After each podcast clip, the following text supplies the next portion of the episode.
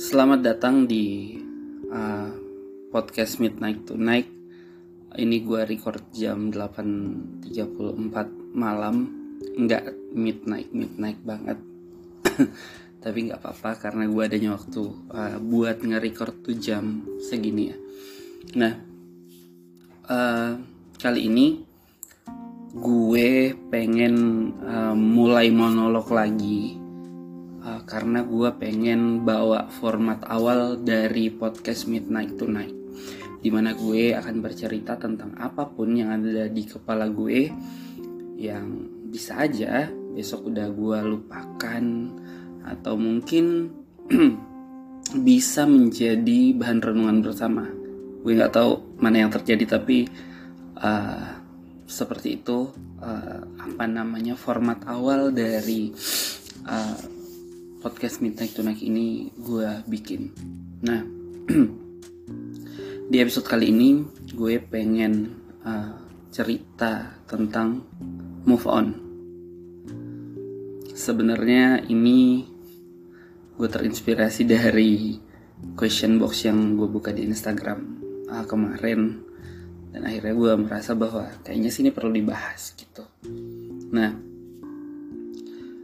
gue pengen memulai dengan lu percaya nggak sih? Kalau kita tuh sebenarnya nggak pernah benar-benar move on.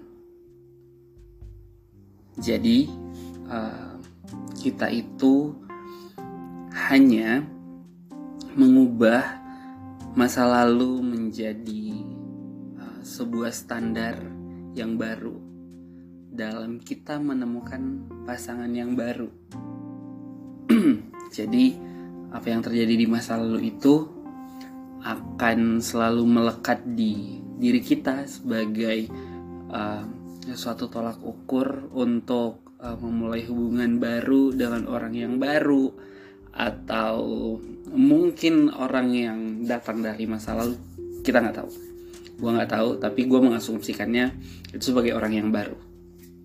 Nah ketika di masa lalu misalnya lo dulu nih punya pasangan yang baik yang uh, perhatian uh, selalu mengusahakan hal-hal yang baik buat diri lo atau kalau misalnya nih lo pengen uh, diboncengin sama dia gitu uh, dia ngebuka pijakan kakinya gitu atau mungkin uh, dia ngebukain pintu sebelum lo naik mobil atau lu mau duduk di ketika lagi makan dia uh, mempersilahkan lo duduk dengan dari kursinya kayak gitu-gitu.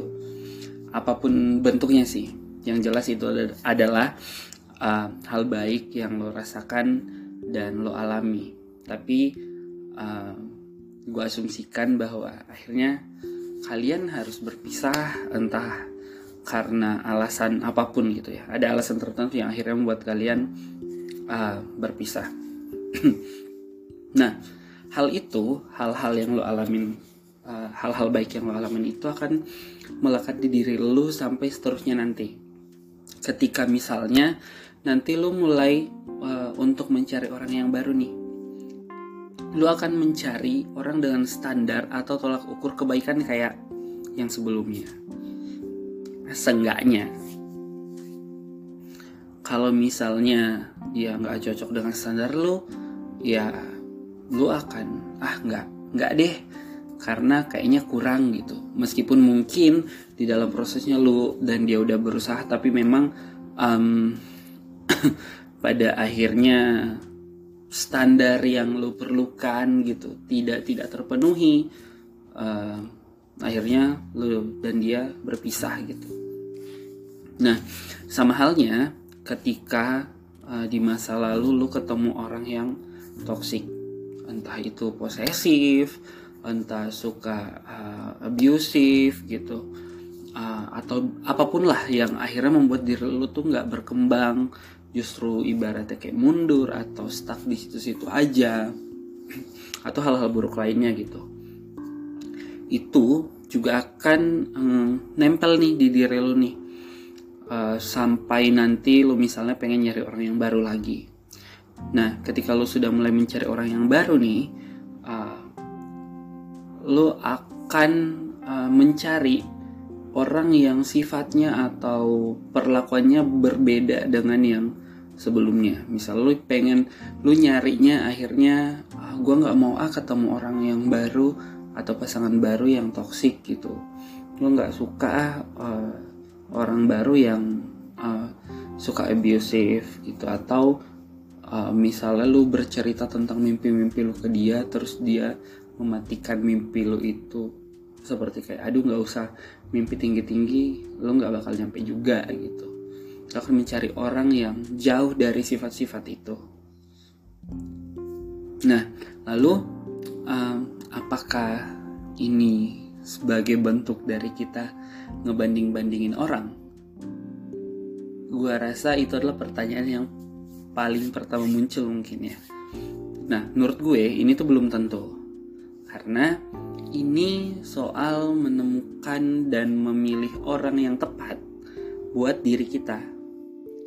Nah, dalam prosesnya ini pasti akan ada fase di mana lu itu membandingkan dia dengan yang sebelumnya. Karena kalau nggak gitu, lu akan mulai lagi dari nol gitu ya. Dan uh, artinya lu nggak belajar dari apa yang udah terjadi sebelumnya. Ketika lu misalnya uh, sebelumnya dapat orang yang baik kemudian lu setelahnya dapat orang yang tidak baik gitu berarti lu mengalami uh, kemunduran nih gitu ketika sebelumnya uh, lu mendapatkan orang yang tidak baik kemudian lu dapat lagi orang yang yang nggak baik ya ibaratnya kan lu stuck stuck aja gitu stuck di tempat dan lu nggak uh, apa ya nggak nggak belajar dari apa yang udah terjadi. Nah, gue rasa akan ada juga orang yang bilang gini, masa iya gue dibanding-bandingin sama mantan lo? Atau mungkin ada juga yang berpendapat hmm, kita nggak boleh tahu banding-bandingin orang tuh karena setiap orang itu beda-beda. Gue memahami kalau misalnya setiap orang itu beda-beda dan emang nggak bisa disamaratakan, nggak bisa digeneralisir gitu. Tapi masa iya lo mau milih pasangan nih? Dan gue asumsikan pasangan lo ini untuk uh, seumur hidup atau sehidup semati. Dan lo mau salah pilih orang uh, agak apa ya? Kayaknya sih menurut gue uh, agak kurang gitu jadinya.